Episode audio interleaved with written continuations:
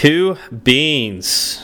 Beans are cool, aren't they? do you like Do you like legumes? It depends on what kind of beans you're talking about, I guess. The wonderful fruit. oh, those.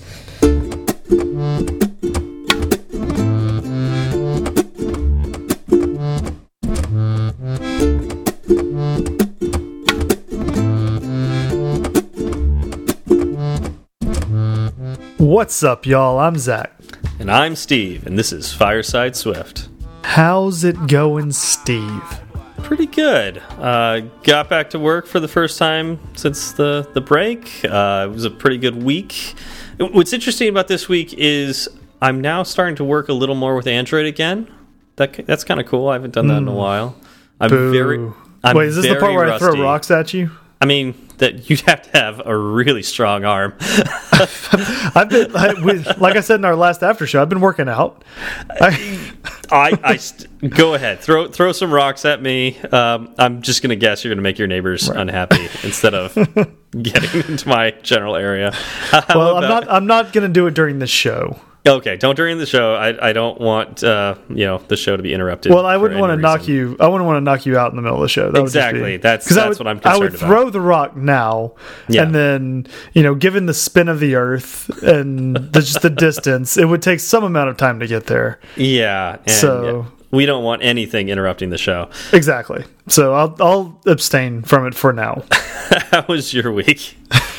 Uh, it was good. It was good. I got a lot of um, stuff done at work that felt really good. Um, mm. We have had some people report some bugs, and they were kind of insidious little, you know, sneaky bugs that we're we're looking at our app and going, I don't understand how a user gets the app in this state. Um, uh, and it was it was a, something that was showing up on the iPad and not the iPhone, oh, and man. so you also wonder how that happens. And yeah. and you know, I was able to to figure out the root cause of it, which made me feel just absolutely delighted.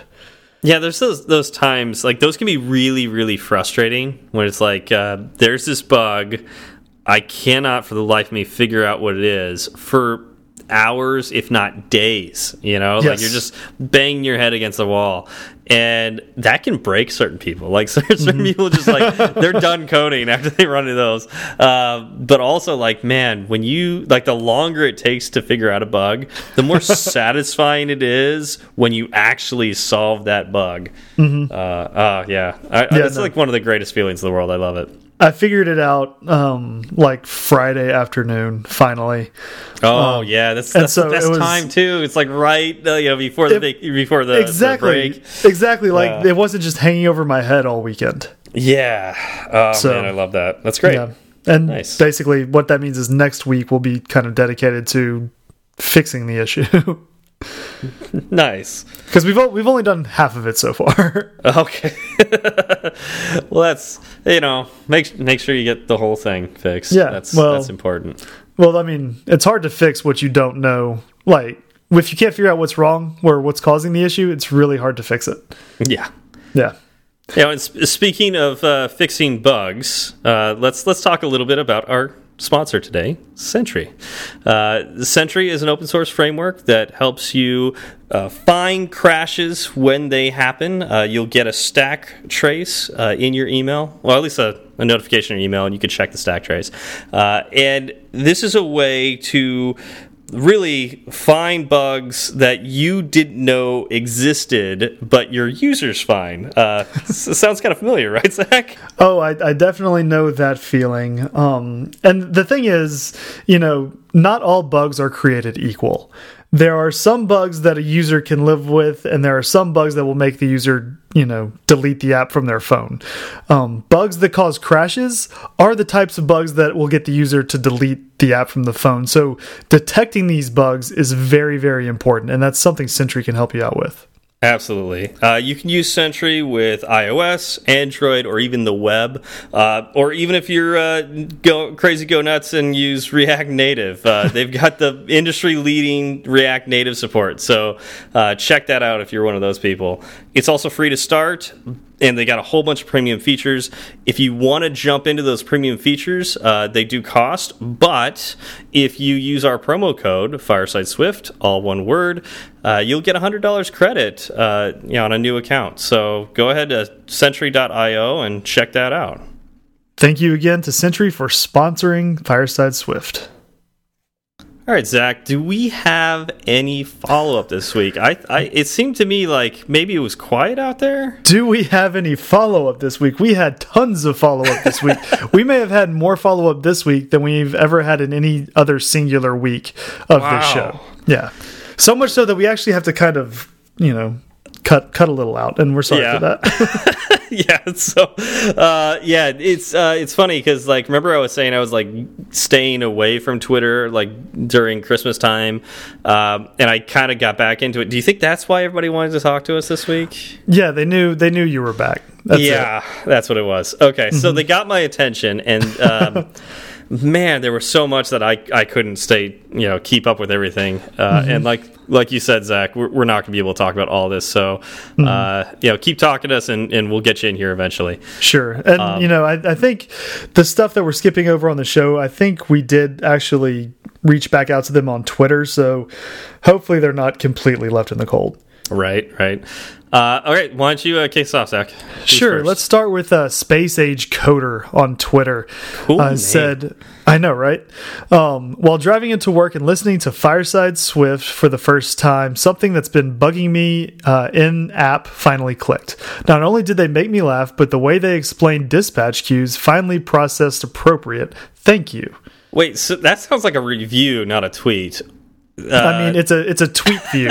okay, that should that should Space Age Coder. Please, I would love to see that in a review because hey. Reviews are what get us seen in the App Store. So if you like what you hear, that's how we get into more people's ears. So uh, would really, really appreciate it uh, if, if, you could put exactly that into our review.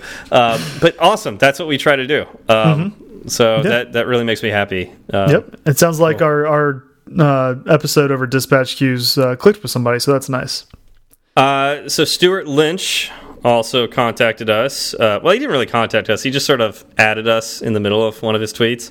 Uh, it, it counts as feedback. Yeah, it's kind of feedback. if our name shows up, we're counting it. So Stuart uh, said that he's uh, since he got his AirPods, he's now a podcast junkie. Welcome to the club. um, and uh, he actually goes for long walks with his dog, and that's how he listens to his podcasts.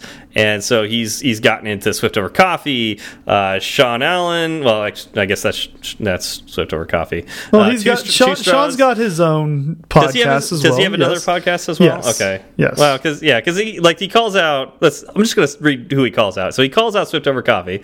Then he calls out Sean Allen, who is Swift over Coffee. Then he calls out Two Straws, who is Swift over Coffee. And then he calls out Swift. Where's where's the Zach and Steve in this? I feel like there should be at least two more ats in here, or maybe just but, ran out of space. You know, Twitter. Yeah, exactly. Character line. You got to cut it somewhere. but the reason reason I want to call out Stuart is, uh, you know, it's funny. We last week we were talking about getting fit and using the watch and all that. He's using podcasts to get fitter and also get better at coding. so that's awesome. Indeed, it is. Um, we also heard from Adam Pro 13 on Twitter. Um, and this is getting back to us where we had that conversation of like, how do you get 600 points? Um, yeah. You know, this is this was our misunderstanding well, of how a competition six, works. Yeah, 600 points in an Apple Watch fitness competition. I'm yeah, sure there's per, other ways to get 600 points in other things, but no, no, there's no other way. No uh, other way. No other okay. way. I've decreed it. Um, uh, he said in the Apple Watch fitness competitions, you get credit for greater than two xing a ring. You don't need to two x the stand ring to get 600 points. Meaning, uh, so you get 100 points for one full completion of a ring. And yes. if you double, like if you double your activity ring, you get 200 points. If you triple your activity ring, you get 300 points. Correct? Yes, and I I can vouch for this. Uh, so Brad. Uh, Swifty McSwiftface uh, reached out uh, to me through a series of tweets, and eventually I got his uh, Apple ID and uh, invited him to share and then do a competition And uh, that very first day, well, I guess it would be the next day because it doesn't start till the next day. I got to see that I definitely did not stand for 24 hours. but both he and I hit 600 points for that day, and uh, so I think it's yeah. So he's oh he's beating me because I'm super lazy on the weekends. Um, but on Friday, both of us hit 600 points. So Wow. and I'm pretty sure he wasn't standing for 24 hours either. So Well, both of y'all are cheating, and that's all that's that's that Oh, clear to me. he's, He's definitely definitely, cheating. because he logged a walk as a workout, and I refuse to do that. Yeah, and he's like eight hours ahead of you. That's like eight hours of extra time. Isn't that how time zones work? Sure, they get free time. Yeah, I'm pretty sure that's what's going on. Um, so yeah, in fact, Mr. McSwiftface was one of the people who reached out to us on Twitter and said, uh, "How about if I beat both of you at a watch workout challenge? I get to be on the show this year." So.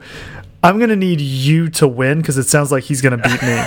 well, I mean, I, I can already tell you I'm way behind in this week's competition Oh. because, like I said, I'm super lazy on the weekends, and he's uh, he's got about twice my points now. So, oh no! um, yeah, it's not. I don't think it's going to happen on on me. So if you got to withhold this. Oh, if, no, if all we the are, pressure's if- on me. If we're going to hold back the Swifty McSwiftface and not let him on the show, um, you have to beat him in a in a competition. the last line of defense. Yeah, otherwise it's inevitable. It's going to have to happen. Oh Um, no! Uh, so wait, when do I get my training montage? Uh, good question. Um, well, once we start posting to YouTube training montages, I don't know. Good Come on, question. I can, I can, uh, you know, lift heavy things and and run behind an old man on a bike. You know, I'm pretty sure you don't actually have to lift heavy things for the competition. I've No, seen this is- several walking. This is purely for the montage. I've seen plenty of walking workouts from you since you got your watch. you know that's right. Getting those badges. Yeah. Getting those badges. All right, moving on. Let's get a little more technical. Uh, Sure. Your Yariv uh, responded to us after our last episode, uh, in which we talked about uh, the keyword mutating when we were talking about protocols. Remember that? I do. I do, and I know. I know we had some questions as to what exactly it meant. Yeah, because I said something like I never use that in protocols. Uh, I was I didn't remember what it was for and all that. He wrote back to respond. Uh, he actually had kind of a logger response. So uh, if you're curious about that, uh, just kind of search for Fireside Swift and you'll you'll find his response somewhere in there. Um, or actually just search for Yariv. I, I don't know how much he posts, but maybe it's it's Y A R one V N. That's that's his. Uh, his uh, Handle. Twitter Twitter handle. Thank Yep. you. Um, anyways, I'm going to give you the TLDR of this. Uh, the keyword mutating is only for value types. Okay, so that'd be your structs and enums. Uh, it's not for reference types like classes. Uh, but protocols can be used for both classes, or sorry, for reference types and value types. And so, because of that, if you plan on having a method that mutates one of the properties of that object, like you know you're changing uh, one of the properties of a struct or one of the properties of an enum, even if you plan on this pro this uh, protocol only working for classes, you still have to declare mutating. Unless you change the, the protocol to only work with, like, literally use the was it class modifier on the protocol? I don't remember. I believe so. Um, but then you don't have to worry about it. But Right. anyways, that's that's why that has yeah that's there. yep. makes sense. um, yes, it does. So thank you, Yuri, for you know reaching out and letting us know. Yes, thank you. um.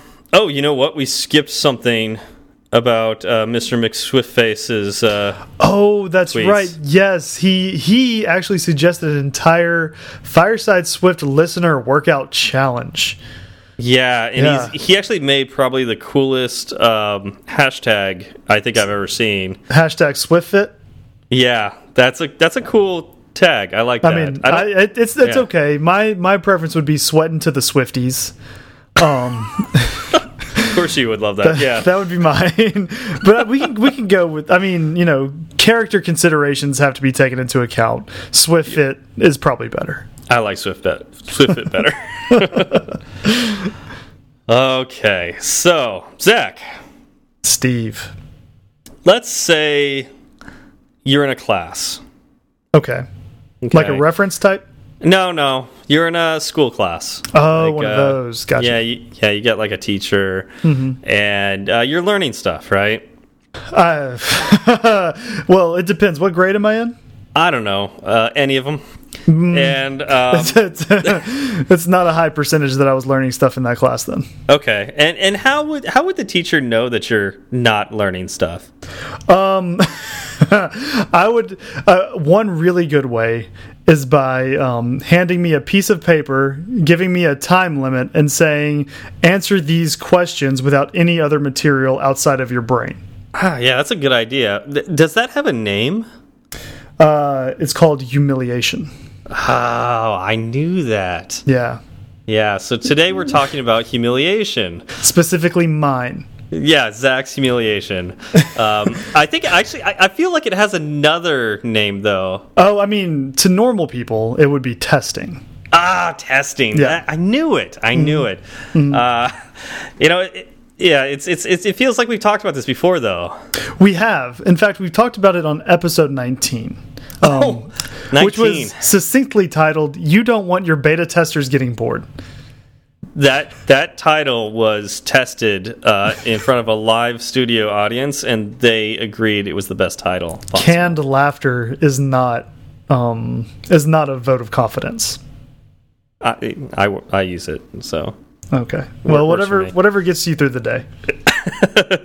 All right, so yes, today we're talking about testing again. Why are we talking about testing again?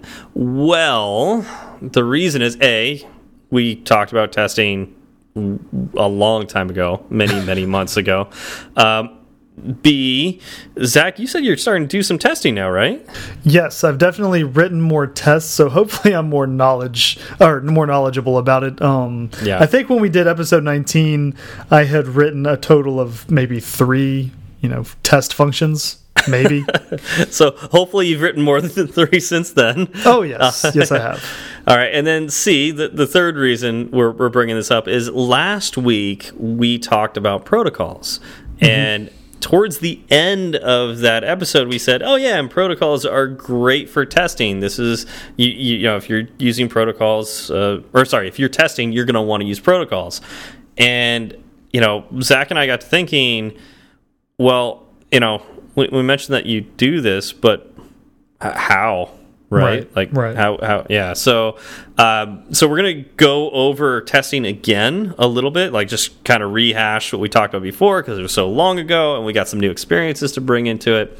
And then, you know, secondarily, we're gonna come back and go, all right, we talked about protocols. How can you use protocols in testing and really focus on that? So, or at least spend a, a chunk of time on it. Right, right.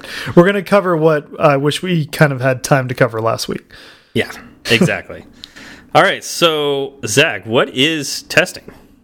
Um, well, if you want to look at the you know Wikipedia definition, you know take that for what it's worth. It's defined as uh, an investigation conducted to provide stakeholders with information about the quality of the software, product, or service under test. Oh, that's a mouthful. Um, sure, that's yeah, yeah, easy to yeah, like- understand, right?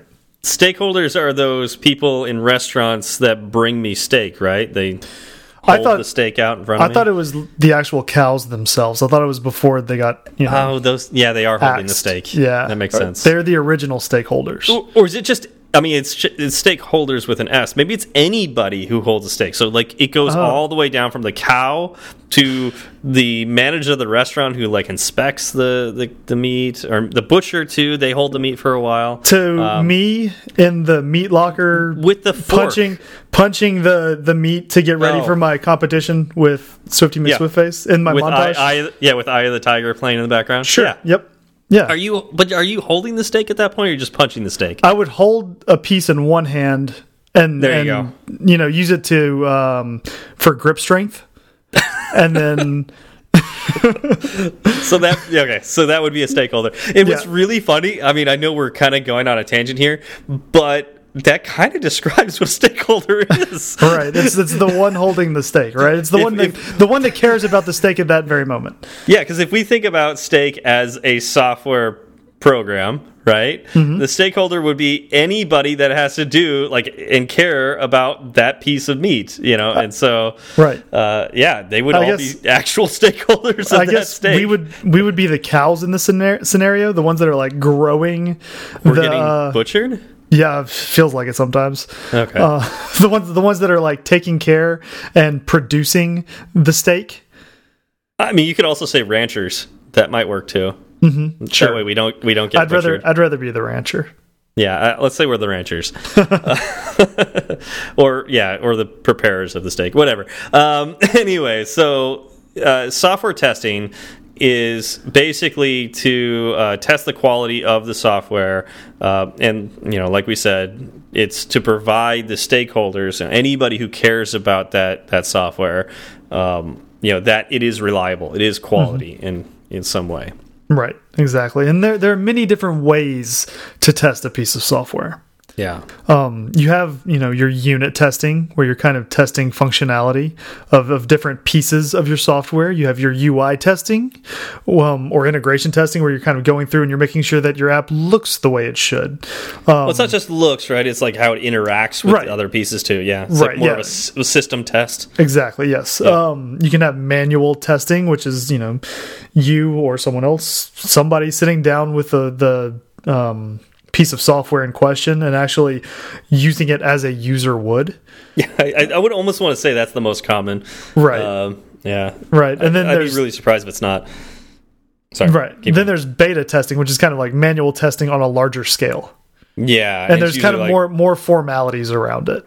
Yes. Well, would there be for be more formalities around beta testing? It seems like there's less. It's that's the least formal because then you're literally just throwing it into almost consumers' hands. It's like trusted consumers. Well, the way I see it, when I was when I was thinking manual testing, I was thinking, you know, I write a, a function and then I just start up the app to see if it does what I think Mm-hmm. It should. Like but- Exactly. so, like, there's no real formalities around that. A beta Oh. test, like you're you're trying to integrate these other users and you know pass bugs back and forth and, and go with some sort of documentation. Whereas manual testing may not have that.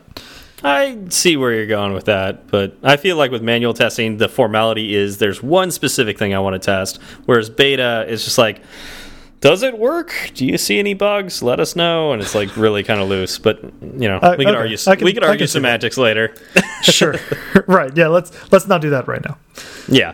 All right. So with iOS specifically, or you know, even Mac OS, tvOS, and Watch OS, um, you you like so within yeah within Xcode, uh, you're going to want to do some unit testing or and or UI testing, also called integration testing. Yep. Um, with that, you're going to use the framework XC Test.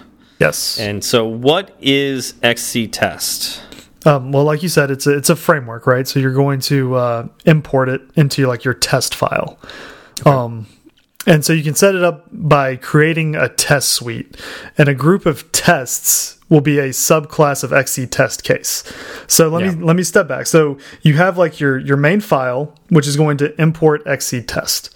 Um, and then your quote unquote class. Like if if you think about a view controller, you know, you import foundation or whatever, and then underneath you'll have you know um, class. Uh, registration view controller and then all of your functions and whatnot inside of the curly braces right? Sure. so if you want to look at tests you can think of it kind of a, an analogy to that would be you know instead of importing foundation you're por- importing XC test. Hmm. And then you're going to have your class of you know registration test and it's going to be a subclass of XC test case Yeah, and I, and I know this sounds confusing, maybe to some of you, uh, but I want to say, like, if you really want to see this really easily, what I want you to do is next time you're using Xcode, start a new project, and you know when you're naming the project, there's a, a couple checks on the bottom, one for core data and one for uh, you know, uh, was it like use unit tests and UI tests, and Yes. You know, or sorry, include unit tests and include uh, UI tests. So keep those boxes checked, and then create a new project. And then within Xcode, uh, in in the project, there's going to be a folder with the name of your project, or group with the name of your project is probably a better way of saying that. Then there's going to be a group that has your tests, and then there's going to be another group that has your UI tests. Mm -hmm. And if you click on the files there, you can see exactly what Zach's talking about, where it imports XC test and it's got some starting functions within an XC test case class. Well, a, let's say a class that's subclasses XC test. There you go. Yes and that's going to be your suite of tests, uh, or at least you know a starting suite of tests, and uh, you can kind of just just start writing code in there and click around, and you'll you could start playing right with it right away, like mm -hmm. everything we're talking about. Exactly. So you don't have to understand all of it completely right now. That's kind of what I'm trying to say. Sure. Um. So now you can think of your your uh, test class kind of as you would any other class, right? You're going to mm-hmm. add uh, one or more test functions to your test case, and then you're going to add one or more assertions to each test function. Yep. Um, so again, if you want to go back to the analogy where you have the registration view controller, you could have, you know, a function called register user Mm. You know, just as you would in a normal view controller. Um, in your sure. test, you might have like test register user, which would be your test function, and then inside that, you would write some code that you would want to test, and then you would use uh, an XC test assertion to make sure that your code is functioning properly. I want to call out here, though, that you can't just name these functions anything. Um, right because in order for Xcode to realize that that function is a test, it has to start with the word test in the beginning. Exactly. And, yeah, and test is uh, all lowercase. So just yes. like they give you uh, a function to begin with, test example, mm -hmm. and you'll see next to that a little diamond. And when you mouse over it, it turns into a little play button. If you click that, it will try to run that test. Yes. Because it, it knows it's a test because it starts with the word test. Right. And, you know, right when you start off, there's nothing in the test, so it should succeed. Yep. yeah, exactly. um, yep. And so now, uh, how, how can you... we? I was say, how do we make it so it doesn't succeed? Because that's really the key to a test, right? Right. That it could um, possibly fail.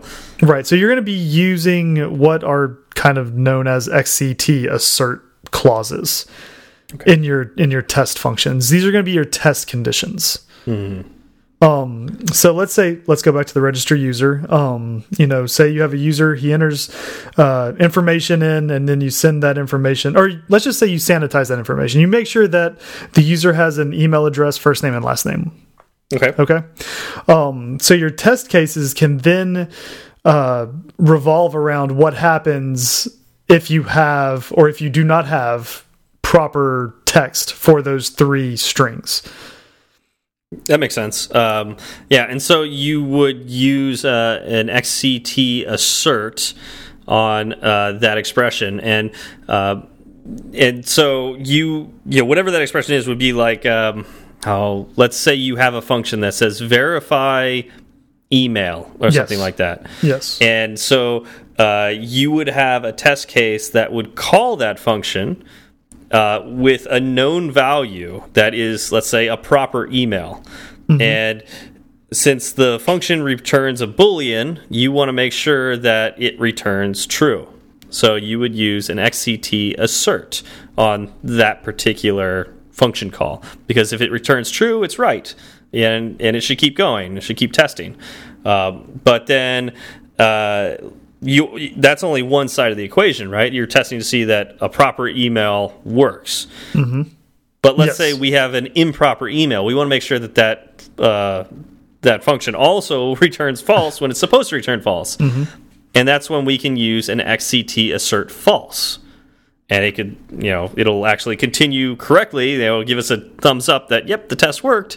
Uh, if uh, if it returns false from that that method or function. Correct. Correct. And you know, there's a bunch there's a whole suite of these XCT asserts that should cover pretty much any state your app can get into, right? Or anything yeah. any type that can be returned, not type. Um any kind of expression value. Value, value. yeah. yeah. Uh, that could be returned. So you can have like XCT assert nil where yep. you know you want to make sure that a certain value is nil if it's deleted from an object, right? Yep. Or, and then there's uh, like the wild card, which is XCT assert equal, in which Yes. case you put like a valid answer and then the answer. Uh, oh, you know what? I don't remember the order you're supposed to put that in. Do you remember the order for uh, equal? I do not remember the order for equal. Uh, you keep talking. I'll see if I can figure it out. Okay. Um, well, while you look that up, I'm going to talk about XCT assert less than and XCT assert greater than. I mean, the names kind of give you an idea of what exactly it's expecting. Um, it's nice because you're able to just kind of write your test without any sort of mental overhead of, you know, trying to figure out what you want in the moment. Um, there's also kind of a weird oddity I found while doing some research for this this episode. Uh, there's an XCT assert function. There's also an XCT assert true. Um, XCT assert is to test whether something's true, so I'm not sure why XCT assert true also exists because that exists to assert that an expression is true. Yeah, these it seems to be duplicating Yeah, functionality there. a little bit, but you know there may be there may be something going on that I don't I- understand. Most likely. I wonder if it's just to make like if you're writing tests and you want it to be very clear that this one's false, this one's true, even yeah, and keep them roughly the same length, and it kind of makes sense that they're in the same format. Maybe that's why.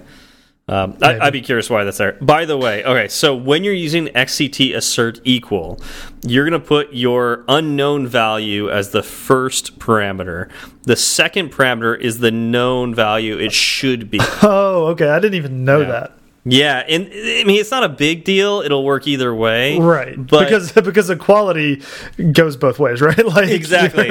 but the way errors are written out to you in the console, uh, Oh, it's going to okay. be like the first value is not equal to the second value, and you know, so it makes sense that like you're testing the first value Mm-hmm. to make sure that it equals a known value that you care about. Right. Right. I So feel that- like yeah. that's a little like that that's getting a little too technical because Well, equality is equality is You're- equality. You're, you're right, but it's just the way. Uh, maybe it's just the way we speak in English that, and then when you're thinking about it in tests and whatnot. Uh, I'll just say this: like when I've written tests, and like if if this is done haphazardly, uh, and you're just reading through the errors, it will really confuse you if you don't do it that way. Okay. It will, yeah, just speaking from experience, you'll look at it and go, oh, well, the second one's wrong or whatever. Like you'll, you'll, you'll, you'll end up fixing the wrong thing if you don't do it that way. Right. Okay. Well, um that's a good thing you let me know about that then. Yeah. so typically that's the way that's done for that one. All right, let's, let's, let's move on past that. Sure. Um, so you know, we talked about how tests are a subclass of XC test case, and I always want to say XCT test case because it's. XCT assert, but it's XC test case. Um, so you know, you define your group of related test methods. Um, and each XC test case has its own setup and teardown functions. Yeah, and that's that's these are really neat. Mm-hmm. Um, have you have you gotten to use these yet? Yes, yes, I have. I actually use them quite often because you know when you're testing, it's very important that you are testing with a clean state of your app, right? Yes. So setup the setup function will define the initial state of the app before or you know of the test before your test runs. Teardown will clean up anything you need to be cleaned up after the test finishes finishes. And this and this happens for every function in your XC test case. Correct. So um, yeah, so for each test, before each test is run, it runs setup. Bef as soon as that test is done, it will run teardown. And so it's like you can make sure that, like, you could rest assured that for every function that you have a, a clean slate and that you know what you're working with. Mm-hmm. which is I mean, it's the kind of the most important thing when you're dealing with tests, right? Absolutely. You, you can't you don't want to pollute one test with another test. I, I'll, I'll bet you if I had done this when I was younger and didn't know anything about you know why you would care about a clean slate, I'll bet you I would write a test that relies on another test that relies on another test. I'll Right. bet you I would have done that. Right. I'm, I'm, I'm sure that's an easy mistake to make. Yeah. And so it's it's nice that, and I think even when you like generate the uh, test file, like setup and teardown are auto generated. Yes, I believe are. so, which is really nice too. So it's not it's not something that's hidden away from a developer. Even yeah. a new developer can, you know, you generate that new file and you look at it, and there's already I think three functions, like you said, the uh, test. What is it? Test so it, example. I'm look, I'm, yeah, I'm looking at it right now. It includes setup, teardown, test example, and test performance example. Oh, okay, so, so yeah, there are, there are four, and you just you just know that they're there. Yep. It's, yeah, it's pretty it's nice. cool that way. Yep. Yeah. Uh, cool. All right. So I think that covers that. Mm -hmm. um, uh, so are there any important like functions or attributes that or attributes attributes Uh, yeah, I don't, no, want, I don't want Mick Swiftface getting mad at me for the way I pronounce attribute. Sure. Um, yeah, no, I think one of the um, most interesting and least used would be the continue after failure attribute of XC test case. Um, okay, what does that do? It's a Boolean value that will um, tell the app or tell the test whether it should keep running after a failure.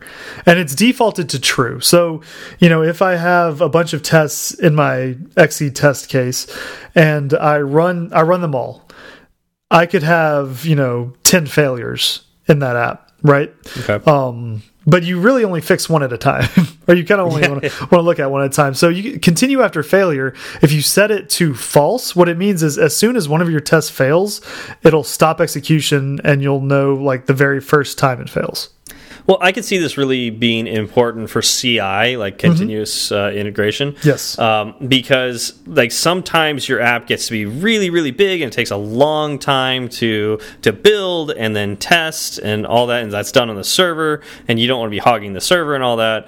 Um, so let's let's say like in order for you to actually commit something it has to pass all the tests and it you know it takes you know spends 15 minutes doing that as soon as it gets to a failure it's like look, I'm not even going to keep doing this because it's going to take a long time. I'm going to kick out of this and uh, just return, a, you know, email you or, or send you a message to say, hey, look, it didn't pass all the tests. You know, try again.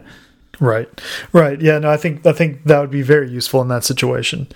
Yeah. Um, a few interesting functions that I haven't used yet, but I could see you know where they'd be useful.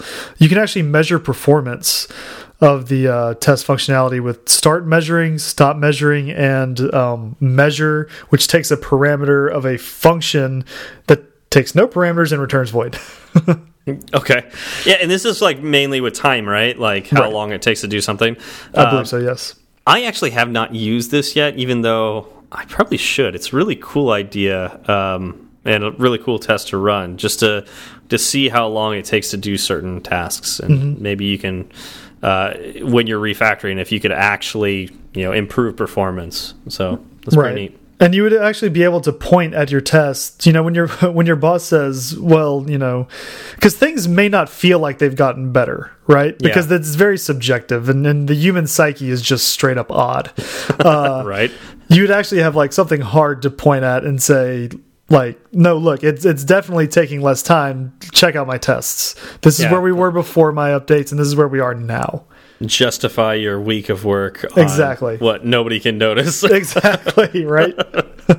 Nobody can notice and yet it's always asked for. Yeah.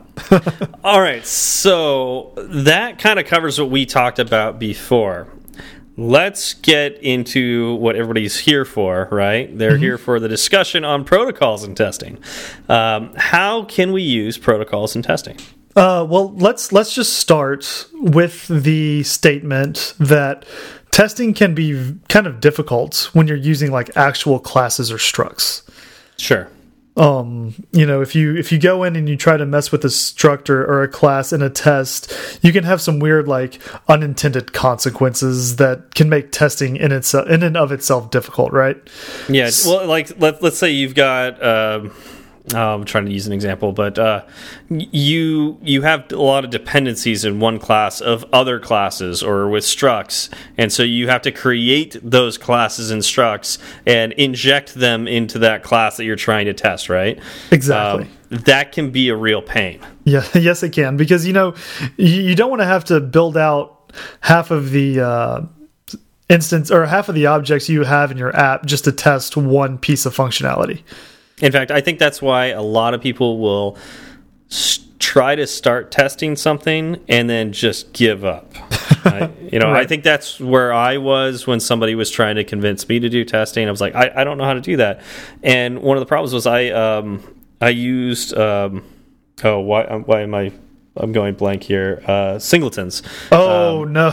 I loved using singletons and singletons can make this very difficult because they hold state, right? Yes. And so you have to reset them and talk about like setup and teardown, right? Like Oh uh, man. they can cause a lot of pain and you'd have to create basically your entire app like get everything started and going to a certain point before you can test a particular class and that's kind of a pain Yep. So the solution would be to mock a class or a struct and, and kind of remove a lot of the cruft around a lot, a lot of the unneeded cruft around what you're trying to test. Okay what is mocking Um, so if you want to mock something, you can create a protocol with the API, which you know it's one of those acronyms that gets thrown around all the time. It stands for uh, Application Programming Interface um, of the class or struct, and and all the API really is is kind of like the public uh, methods and attributes of Yeah. that class. Yeah, it's- it's basically- stuff. Okay, go ahead. Stuff that other I was going to fill in what you were just about to say. Stuff that other classes and other structs use of Mm-hmm. of that particular class or struct or enum or yeah, any of those those types. Yeah, Yeah, no, that that's it exactly. yeah. So um, okay, so we created a protocol that uh, has this you know has the API for a particular class or struct. Um, how do I mock that? Like what you know what would that look like? Um, so you know, you have your your class or your struct, then adhere to the protocol that has all of the public information in, in that API, right? Then you also have your mock class or struct also adhere to that same protocol. I think that's the key part right there. And then when you so this ends up this is uh, you have to actually change your entire app for this like or, or plan from this from the very beginning um, so instead of just uh, injecting classes and structs. And we talked about dependency injection a while back. It's it's very important for testing and maybe we have to revisit that too now that I've said that. Um, but uh, you know dependency injection is very important for testing. Uh, but it's basically having the fact that your classes depend on other classes you have to have them in there somehow and that's that's the injection. Um, but uh, instead of injecting the classes and structs you in inject the protocol because now everything adheres to the particular protocols and you only use uh, the API of that protocol. So everything has an API to communicate with everything else. That way, when you decide, I'm going to test a particular class or a particular struct, when you inject uh, the the classes and structs that it depends on, uh, you just inject objects that adhere to the protocol that are not the actual objects. So you don't have to set them up. You just inject a that's what we call it mock. They're fake. They're not real. Um, and they can have some interesting um, oh uh, uses. Like they can count how many times their uh, their methods get called. They can record uh, the values that get input into them or maybe the last value that was input into them. It depends on how you want to write your mock. And that's important because when you start unit testing on the particular class that's the only real class, or it should be the only real class in your test case. And uh, you you you leave that guy alone. You set him up with, and, and again, you inject the dependencies into, you know, and those dependencies are all mock. You inject all these mock dependencies in, and it allows you to work with a steady state. You know, you know exactly what you're working with and also you've got insight into that class and outside of that class and that's what you want when you're testing it Yeah, and I think I think one of the uh, big takeaways here is you're you're not mocking the class you're testing. Yeah, Um, no, that that would defeat the purpose. right right so like you know you're you're not using the protocol with the class that's being tested because you know protocols they don't define any functionality in and of themselves so Yes. if you were to try to uh, try to mock the class you're testing you would end up having to rewrite the the functionality for that protocol um, meaning that what you're testing and your tests can therefore run on different functionality which is not what you want No, that's not. That's absolutely not what you want. And you may say, "Oh, but you're you're testing uh, that one class or that one struct or enum or whatever. Uh, what about the dependencies? You know that does that that your tests don't test them, and that's right. You don't want that test case to test." The, the other values you Right. you're going to write another test case that will test all the other ones and so each one of your um, your very sorry your types that uh, adheres to protocols you're going to write tests around those that's that's how you would get you know close to your 100% test case or test coverage Exactly. Um, so do you have anything else to add about, you know, protocols and testing? i'm sure i'm sure that's not entirely clear to some people. Um, and i would love uh, if there's any of you out there that are still a little unsure on that uh, and you need us to uh, maybe revisit this again you know to you know revisit a particular part of that please ask us on twitter um, hit us up on breaker or any of the other places that you know email us. Um, although we have sometimes a hard time re responding to that which you know you could hear in the song afterwards. Um, but anyways we'll try. We'll do our best to uh, to get back to you. Uh, I, i'm going to honestly say twitter's probably the easiest way to get a hold of us. And uh, that that helps us. We'll add it to our show notes next week and and hit it again if there's Right. something that's not not super clear on that. Yep, that sounds good. Um, now, another reason why testing is important is that there's an entire coding paradigm that is focused and centered solely on on testing, and this is uh, test driven development. yeah i love test driven development I do too. I do not practice it on a daily basis, and I wish I could, or di I'm sure I could. Right. Um, it's it's really great for the confusing things. Like, let's say there's a particularly hard problem to solve, like uh, an algorithm ish type problem. I love using test driven development for that. And the way that works is you start by writing a test that fails. yes. So you know what your output should be. And so you write a failing test of the simplest one you could possibly think of. Um, and then uh, you then write the least, not necessarily, yeah, the least amount of code Yeah. you possibly can, the simplest code you can to pass that test. Yep. And so you then run your code again, and the, the test pass passes, and then you refactor that code to make it simple. Exactly. And then you write another test, which fails. You go through, you write the simplest amount of code to make it pass, get it to pass, great. Then refactor your code again. And you just keep doing that until you come up with a solution. And it, it is one of the easiest ways to take very complex problems and make them bite size and just yeah, tackle them little by little until you get to a solution where it's like, well, I wrote all the tests out that basically describe everything I can possibly think of that I want this thing to do, and all my tests pass. I feel confident that this works. Right. Um and it's good at breaking it down because you're you're forced to break it down, right? Like you don't want to Yeah. write this insanely long and complicated test because you know that kind of defeats the purpose Yeah. of test driven development. Well, and another thing people generally do is they'll write software and then they'll write tests to in after the fact, right. and it's right. like that doesn't help you go faster. I mean, no. And and a lot of the times what if you write your code first and then your test, which is by the way is what I've done like 90% of the time.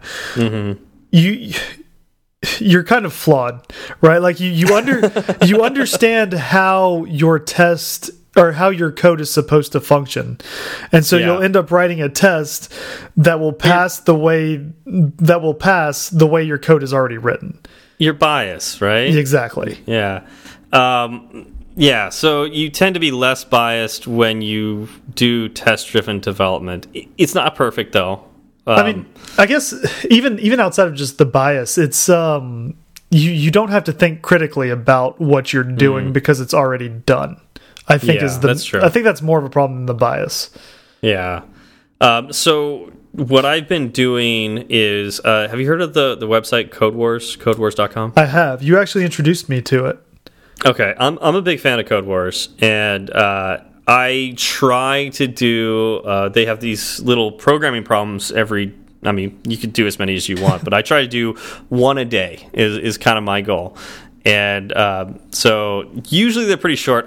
I've been running some really long ones, or maybe I'm just really rusty, but. Um, Some of them have been taking me way too long, and I just need to quit them before I, I spend all my day working on it. Yeah. But um, no, they're really great though. They get your mind thinking in different ways, and it it's a nice setup because you can actually use Swift, um, and it's all in a web browser. So it's it, you don't get like the uh, pre-compiler messages and all that, which kind of sucks. Uh, but oftentimes, I will start writing in Playgrounds, and then copy that code and just paste it into Code Wars. Right. And um, it has a section for tests, and so and they usually have a couple sample tests in there. And so I will start by writing a test, running it, seeing it fail, write the code to make it pass, run it, see it pass, you know, refactor, and then write the next test. Right. And and it, yeah, so I'm sorry, I didn't mean to interrupt you, but um, No, no because. I've I've done the same thing, and and something else you'll find out kind of quickly is that if you look at the tests first, you can kind of reverse engineer what your code should be. yeah. And, And, and I- I'm not saying you'll know exactly what to write, but you'll Yeah. it'll say if I give you this input, this is what your output should be. And then. Yeah. you can figure out, you know, what steps you need to take to go from A to B, which Yeah. is sometimes more easily understandable than, you know, I've I've read some of those code wars um I guess tests and they can be kind of long and wordy and you're like just give me, you know, the important information. Yeah. Yeah, no, it's true. Like, it, and they're all community written and voted on, which means they're going to be flawed in some way. Um, because if, if anything, that our experiment with social media has, you know, shown is that the the best doesn't always rise to the top. Um, and so, but it's still fun, and you could always skip uh, a particular challenge if you don't want to do it. right. So, yeah. So what makes a good test? Um, I mean, I would say it, it should be short. You know, they should be tests should be short. Um, and I I think one of the keys, and I think a lot of people miss this is um, you should think about tests as if it's the same thing as your production code. Uh, And and what I mean by that is like don't don't slouch. Like don't don't use like like short variable names. Uh, you know, don't don't just like you know. Uh, don't phone it in. Like don't don't phone it don't in. get sloppy with it and don't get lazy with it. Um Yeah. Because it, it's really easy to write passing tests if the goal is to just get a test to pass. Right? Absolutely. You can you can write stuff that is going to be, you know, true no matter what you throw in it. Um yeah. and that's, you know, great. All of your tests pass, fantastic, but your tests are just junk at that point. Yeah. And so what's what's the point of writing a test? Absolutely. So And, um, okay, go ahead. You know, well, another point to this is you have to maintain your tests just like production code. So if you have an app and you have a test suite attached to it, every time you write a feature, you should be thinking about how does this affect my test, not just how does it affect my app. Exactly.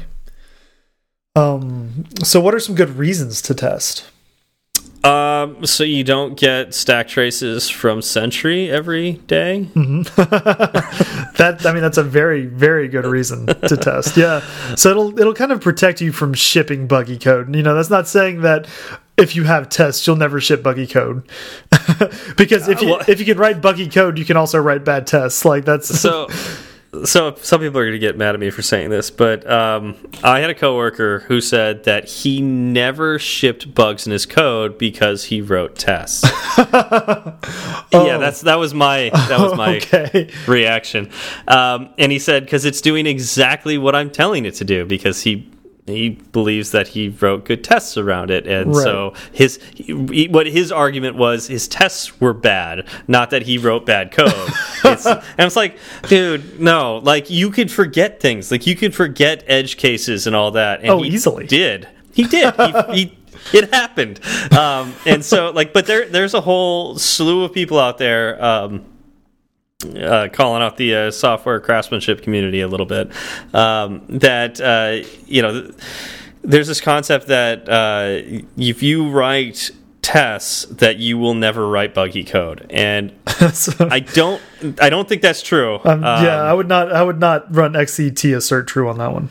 That yeah, I, I, I, I would not agree with that, and I would love to, to have a discussion with somebody who uh, can potentially convince me otherwise. Um, mm -hmm. But well, I would, uh, I would like to. So I, again, the big question for me to them would be, if you think that your tests are protecting you from buggy code, why do you not think you can write buggy tests? Like, why do you think your yeah. your the tests your the code you write is fallible, but the tests you write are infallible? Are infallible. Yeah, that's that's the part that that makes me cringe a little bit. Um, so, anyways, but I will say having tests is better than having no tests mm -hmm. and so yeah it can really help you not necessarily shipping bug like preventing shipping bug code um, but having tests could also let you know ahead of time when you've made a breaking change somewhere else sure so yeah, that's nice. It kind of it does make me feel a little more comfortable when I'm shipping the code. Um, yeah. I'm thinking, well, you know, at least the way I thought it should work and the way I wrote the tests around the way I thought it should work, everything seems to be good. Now, you know, there are plenty of times it gets into a user's hands, and like you said, you forget an edge case, right? Yep. Or you know, you wrote the test the same way you wrote the code, and so of course it passes. yeah. uh, and something is actually broken there, but the the test pass. Um, yeah, you know that that those things still happen. An interesting byproduct of writing good tests is that it makes you think critically about your code. Yes, it does. Uh, so you know, like uh, like we were talking about with TDD, right? Like it is just approaching the code with a different point of view. And so, let's say you write the test after you wrote the code. That's fine because you might be looking at it and go, okay, I need a test for this, I need a test for that, I need a test for this because I thought about all the edge cases, and you run them, and all of a sudden you see a, a test break, and you yep. go, oh, I thought that worked. Exactly. You know. Yeah, it makes you it makes you rethink the way your app is actually working. You're you're exactly right. Like uh, you know, if I if, if it's working exactly as I thought it did, exactly as I coded it to work, then mm -hmm. all of mm-hmm. this will pass. And so yep. as soon as something doesn't pass, you're able to address it immediately. And you might find that uh, you want to write tests about a class or a struct or something like that, but your classes and structs and enums are not written in a way that you can easily test them. And so that might be a way to refactor, make you, th again, thinking critically about your code. What's a better way to write this? Or thinking maybe more functionally. Uh, exactly. Uh, you know, which we talked about in the past. So Exactly. So yeah. I, I think, you know, uh, writing tests isn't you know the silver bullet. It's not going to guarantee that your app is 100% wonderful and there will never be any bugs but yep. i think it's a huge step forward into you know getting your app to where it needs to be. And uh, let's let's just admit it right? We're, we're software developers. Sometimes you write functionality that you don't totally understand. That's not that's not saying you don't think you understand it. Yeah. But you'll write it without totally understanding it and something will break somewhere yeah. You don't know what you don't know. And tests have you asking the question, what don't I know? Mm -hmm. Exactly. So, and I think one, yeah. I think one of the biggest things to watch out for when testing, at least that I've run across so far, is singletons. like that yeah. that will be one thing that you know it's good you'll understand why it's good to stay away from a singleton if you start testing uh, singletons in your app i had uh, i had an app that um, when it would fire up there was a map view that was brought up, and it would get the center coordinate of that map view, and it was always supposed to be the same thing every time. Um, But it would immediately start to zoom to where the user's location was, right? Okay. So I wrote some tests around it, and I would run the tests, and they would pass sometimes, but then sometimes they would fail, and then Mm-hmm. when they would fail, they wouldn't always fail at the same place, which Oh, drove me insane. And yeah. the problem was when the app ran. Uh, it, you know, when you run your test, it'll bring up the simulator. There are ways that you can test without bringing up the simulator, but I think kind of like the out of the box implementation is it brings up the simulator and it runs your app inside the simulator. Um, Well, the zoom to the quote unquote position of the user would happen at a different time each time that simulator was brought up. Like the test would run at a different time when it was zooming to the Oh, user. And so the map center coordinate may or may not be the same. And that was the singleton that we were using in our app Oh, and so okay. and all of the test functions were were based off what that value was yeah. Interesting. yeah and so that that was a pain Yeah. So, I yeah, singletons can be a real pain when it comes to testing. It is possible to test singletons. Uh, so, you know, let, let's say you're in love with singletons, or it's just the easiest way to think of things right now. You can write tests around singletons. It's possible. It just can cause problems. Um, although, if your singleton uh, adheres to a particular protocol, it does make it a little easier to mock. So, just throwing that out there. Um, indeed yeah. So, anyways, uh, yeah, watch out for singletons. Uh, they're they're kind of scary when it comes to testing. yes they are yes they are All right. All right. So I think we've been talking about this for a while. Uh, Sure. We, I, we've covered about everything I I wanted to talk about. Is there anything that you want to talk about that we didn't talk about? um no i do want to say you know we're gonna have links to the XCTestCase um and the big nerd ranch mocking article and an article about mocking by john sundell in our show notes and to check those out Yeah, ch definitely check those out. Um, I know I'm a big fan of Big Nerd Ranch and a big fan of Sundell, and I used both of these articles to help me when I was learning how to do this. So, um, yeah, definitely uh, take a look at those. yep All right. So, do we have any shout outs this week, Zach? We do. We have a shout out to uh, Karina Vera 10. Um, she said, "You is guys wait, is that Karina or Kat Rena? Because that's an at uh, symbol. like right. Katrina, maybe? I don't Maybe know. that's Katrina. K at Rena Vera 10. There we go. Much better. uh, said, You guys are awesome. I listen to your podcast every time a new episode comes out. Sometimes I even look back to see if you made an episode on the subject that I'm trying to grasp. I am partially blind, and my audio and audio is my favorite way of retaining information because people explain more than in videos. By the way, interesting. uh, that's very interesting, and it, it makes sense, right? Yeah, yeah. Um, by the way, there are not as many accessibility Swift frameworks as there should be, and the Apple ones are half baked.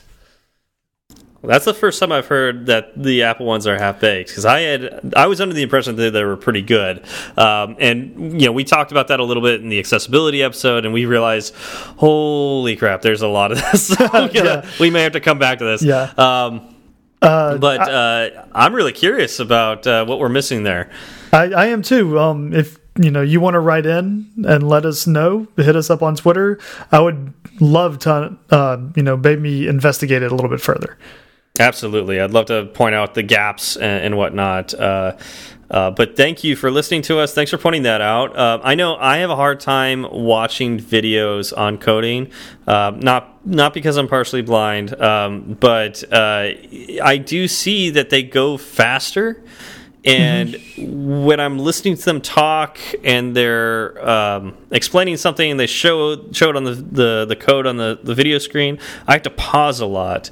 Um, and then, of course, the, the quality is usually pretty bad, so you have to like zoom in if you can. Right.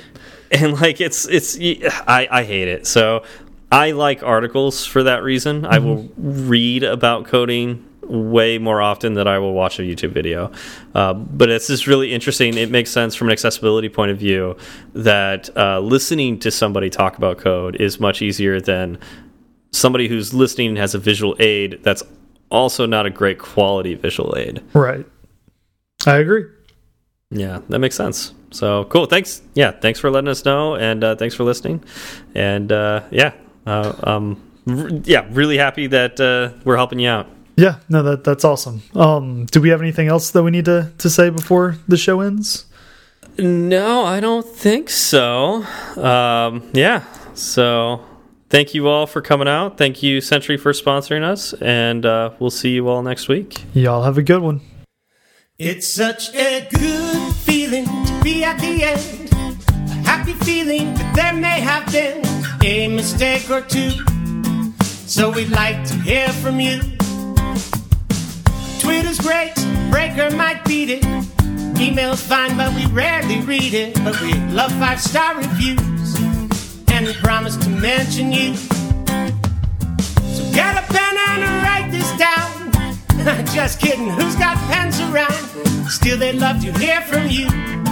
Steve Berard and Zach Falgout. Tweet at Zach and have some fun. At do one. You do one. He'll write back when his work is done. Tweet at Steve and you will see clever use of the emoji at SWB. R A R D. Fireside Swift has its own handle, so you can burn three sides of the candle at Fireside underscore Swift. At Fireside underscore Swift. And if your message is a little too long, there's firesideswift at gmail.com and firesideswift.com. Firesideswift.com.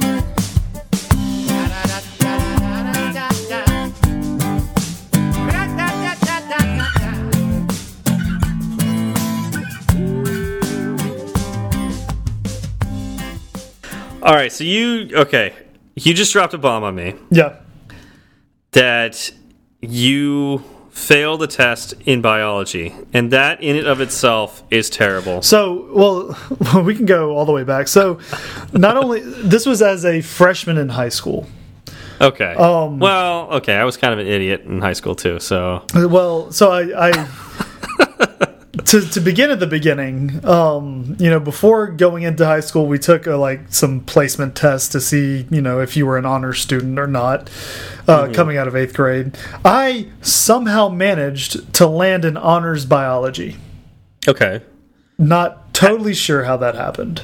I don't think we had an honors biology my freshman year. I think there was only two honors classes, and it was well, it wasn't even honors. It was like test to go to the higher math level mm-hmm.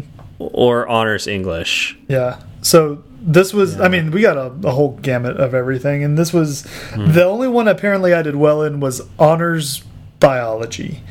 Interesting. Um, so we got into class, and the way the class was set up, it was the teacher was Dr. Busher. Okay. He was like this, this really stuck with you because you oh, remember the he was name. notoriously hard. Um, Okay. He didn't give lectures.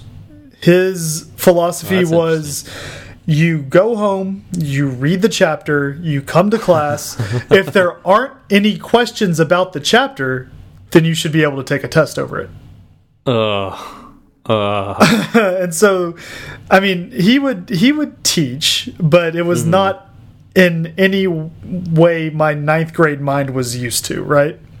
Yeah. And I did zero preparation for anything. oh yeah, yeah. Um, Back then. yeah. Oh God, no, no. That's reading a chapter sounds like way too much work. Oh yeah. So I- uh, yeah, I roll into class one day, um, and no one had any questions. Time for a test. Great, unless And- you're Zach, sitting in the back of the class, sweating bullets.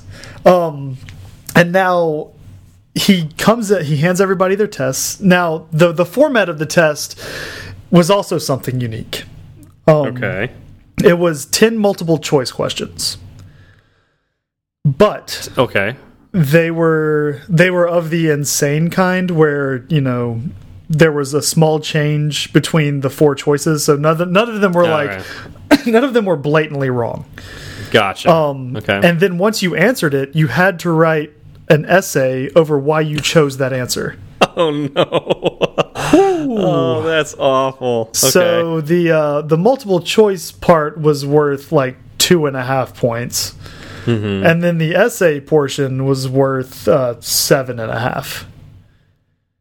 okay, So like even if you guess everything correctly, you're getting a twenty five on the test, yeah. and that's why he set it up that way. um, Jeez. so yeah, little ninth grade Zach who didn't prepare guessed his little heart out and got a nine. I mean, that's, that seems pretty easy to do. yeah. I, I'm trying to think what what would you have to do to get a nine? I, I I got a nine. Um, I I probably got like three multiple choice correct, and then he just you know gave me gave me a nine Part. Yeah. instead of the eight point five.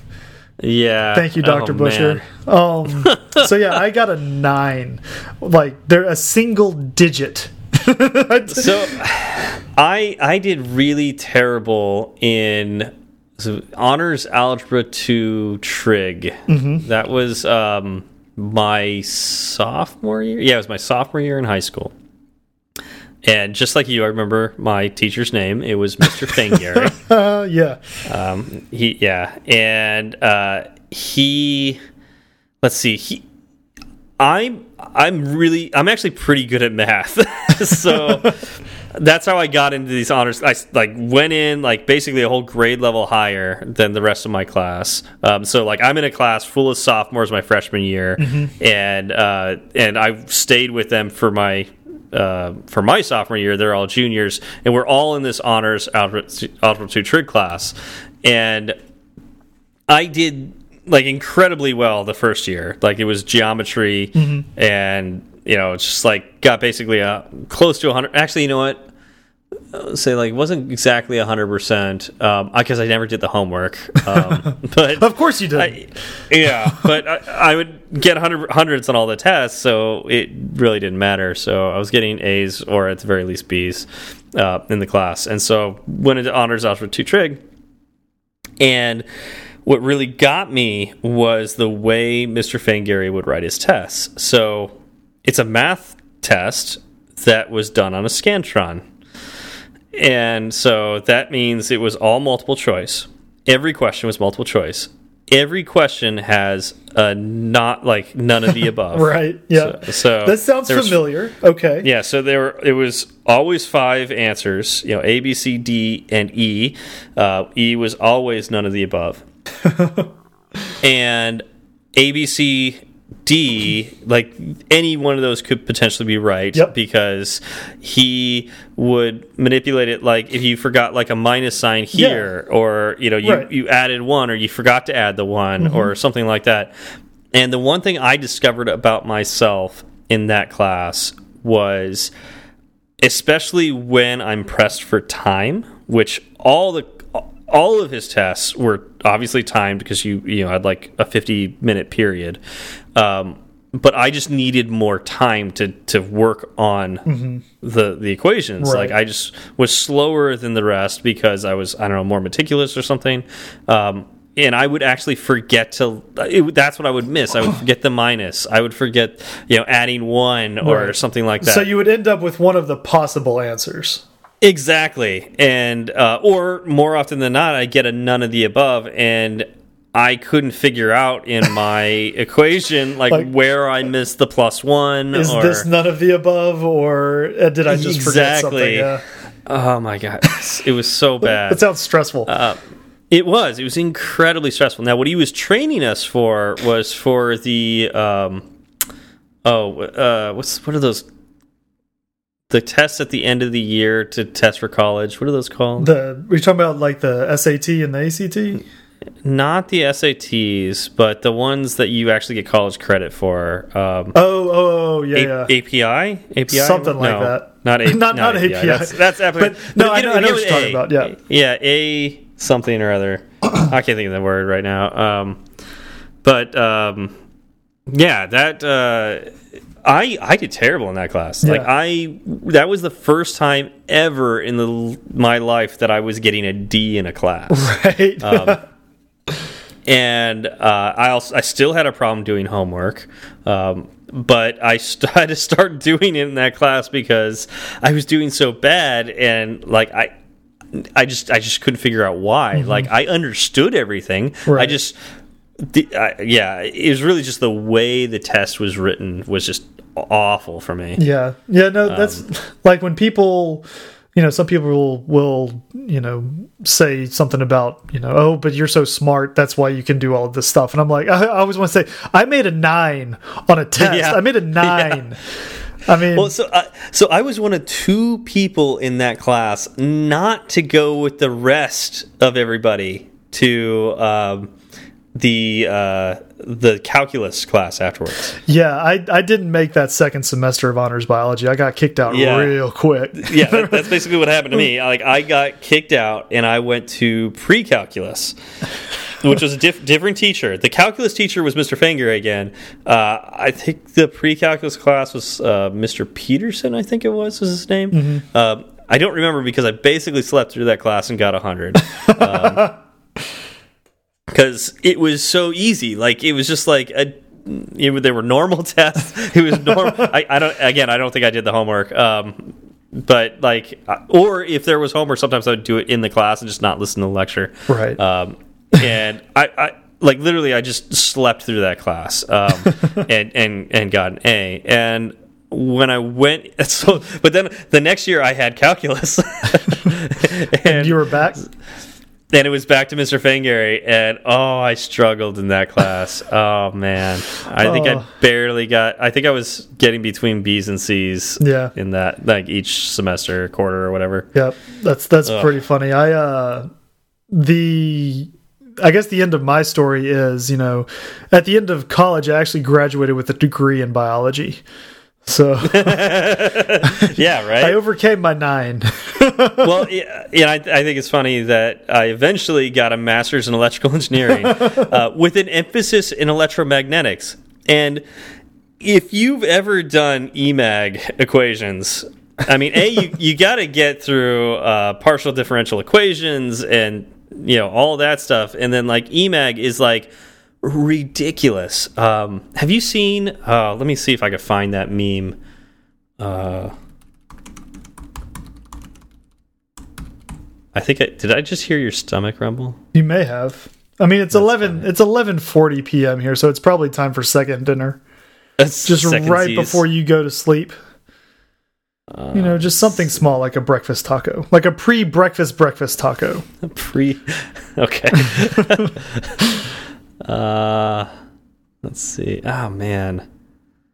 Oh, math. Are you just googling math? No, I want you to just be googling math right now. I I kind of did. What is math? Man, I'm gonna see it as I'm looking. Oh, there it is. Yeah. All I typed in was math meme. Oh, really? Uh, like- yeah. I'm gonna copy this image. I'm gonna send this to you. This is hilarious to me.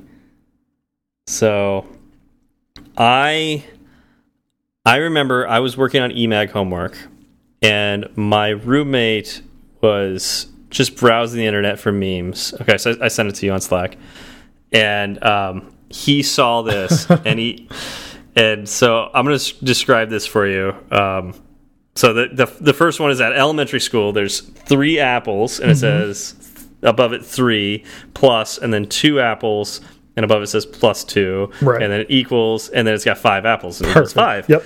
It says that that's at elementary school. Everything's happy. Everything's great. then in then in middle school, it shows like an algebra equation: x equals one over two plus seven, uh, and then parentheses a plus b, and then over two, and then uh, there's like kind of an angry face that says, "As am I supposed to add a and b?" And Right. it's like, yeah, so it's like I don't know how to do that. And then in high school, it's got like uh, you know a trig equation with e over you know it's like y equals, and it's got like this quadratic equation, and underneath it's got a square root with e to the power of x and sine two x in it, and the, there's like angry face, like ah, yeah, Yeah. it's like somebody about yeah about to swear. Um, and then uh, then it says at engin engineering school is the uh, the last uh, what what's this called panel in this Yep. this comic and um, it shows this bugged out guy He's like, a number. because this equation literally is nothing but letters and Greek symbols. Uh, and there's one number, and it's the two in front of log something. And it's this long equation. I found a So- number. Yes. I recognize so- that. So my roommate Jordan was like, "Let's test to see if this is true." And uh, so we just took the last line that I wrote for an equation, and uh, it was hilarious. Uh, there were two numbers in the entire. By the way, this like spanned one side of a normal sheet of paper to the other side. Right. Like it was like I was starting to write small on the other side because it's like barely able to fit. Um, there were two numbers. They were both the number two, and they were used as square for something. So, so you're squaring something. exactly. So there, that means there was two of a Greek symbol that were multiplied together, so they became squares. Oh god.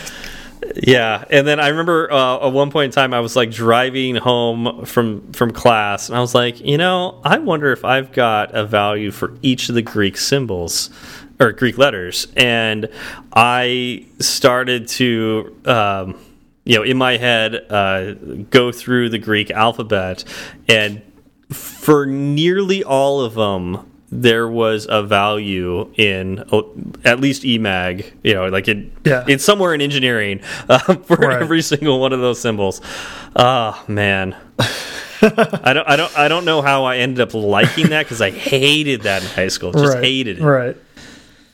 No, yeah, no, good, good times, good times. I guess the the moral of the story is, uh, you know, what you study in school or what you fail at in school uh, doesn't really define your future.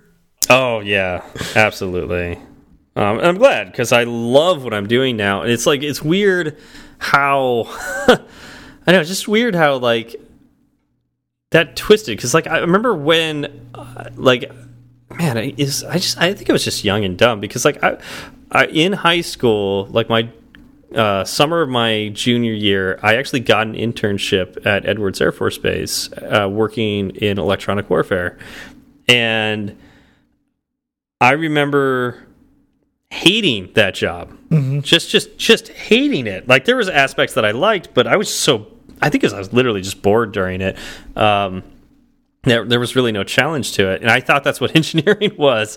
Uh, I would look around at like my my the actual engineers and go, "Well, I could do that, but they won't let me." And so I just remember thinking, "Well, if I could do it, that's boring. You know, I don't I don't want to do that." if I And- do it, that's boring.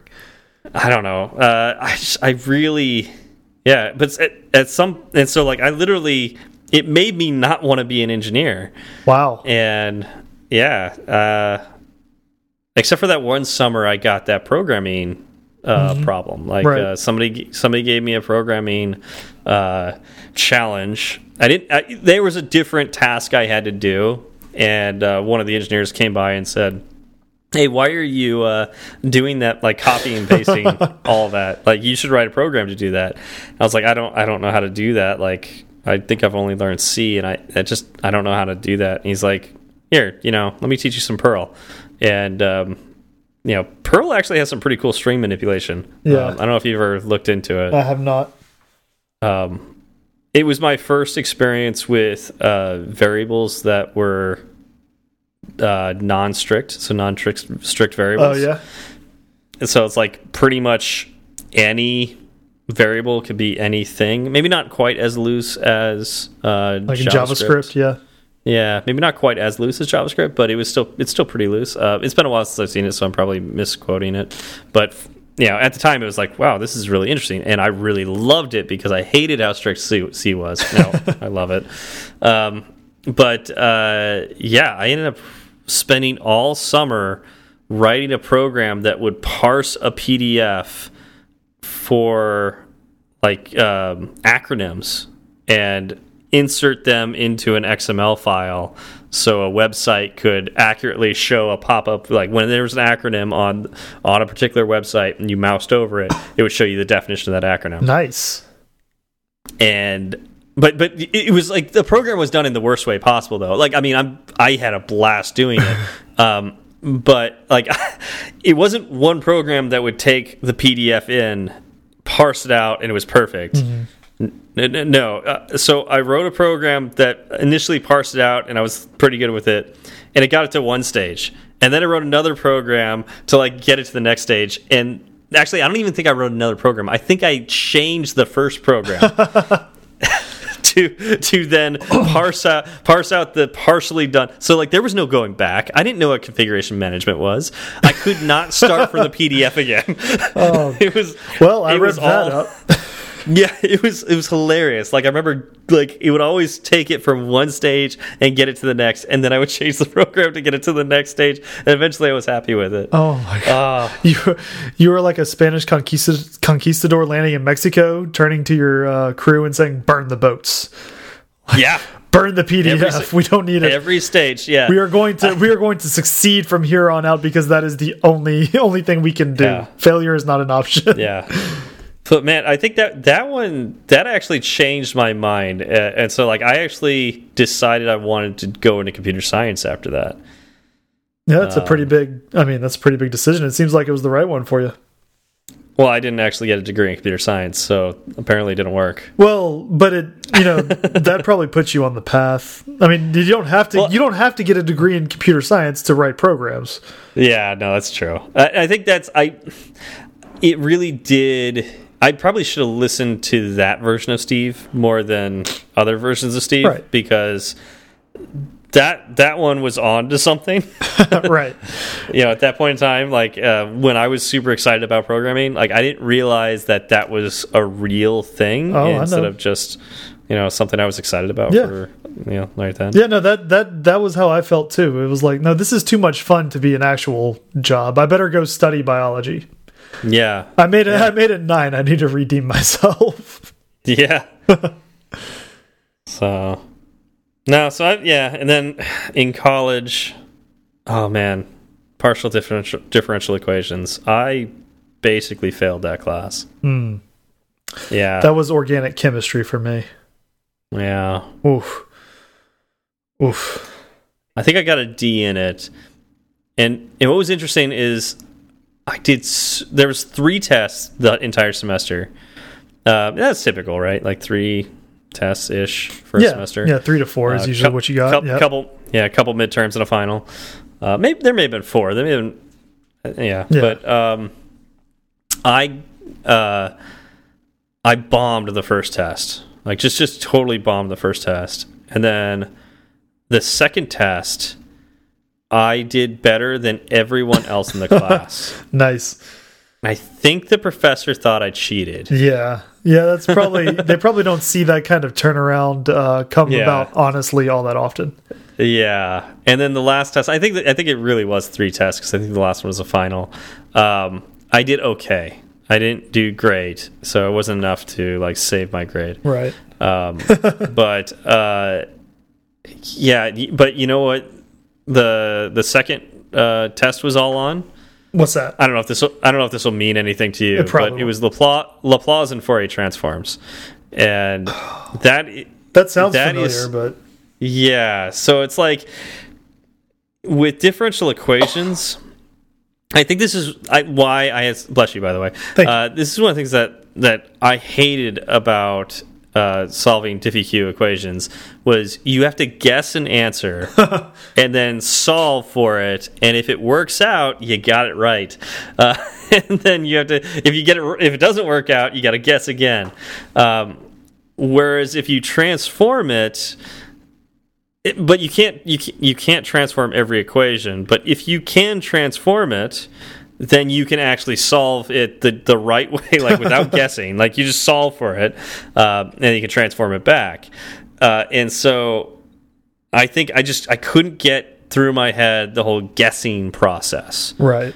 And uh, but when you got to equations that's like okay here's the transform for that transform it then solve it because it's easier to solve in a different you know mm -hmm. uh, you know space i guess you would say um, right then uh, and, and it you, know, you could transform it back and it works. Uh, I that just clicked for me. Like it was, and what's funny is like that's what you do in engineering. You you will learn DiffyQ. It's like learning the hard way. Yeah. And then you just you go, great, that's what we did. You just never use it again. It's all transforms after that. Uh, so I, I learned the right thing, the thing that mattered. right. yeah. That's funny. Yeah, I, I eventually did have to actually learn DiffyQ, particularly for signals, signals, signals and systems. We had to do. There was a whole chapter on DiffyQ, um, which was funny because it was over five years between. God, maybe even more than that. I don't remember, but it was maybe it's like seven years between when I took DiffyQ for the first time and when I took that signals and systems class. and I was like, I don't know if I'm going to do well at this. And then, you know, when the professor covered DiffyQ, he's like, none of you remember DiffyQ, so we're going to cover it again. That's awesome. Yeah. uh, Good times. yeah. Good times.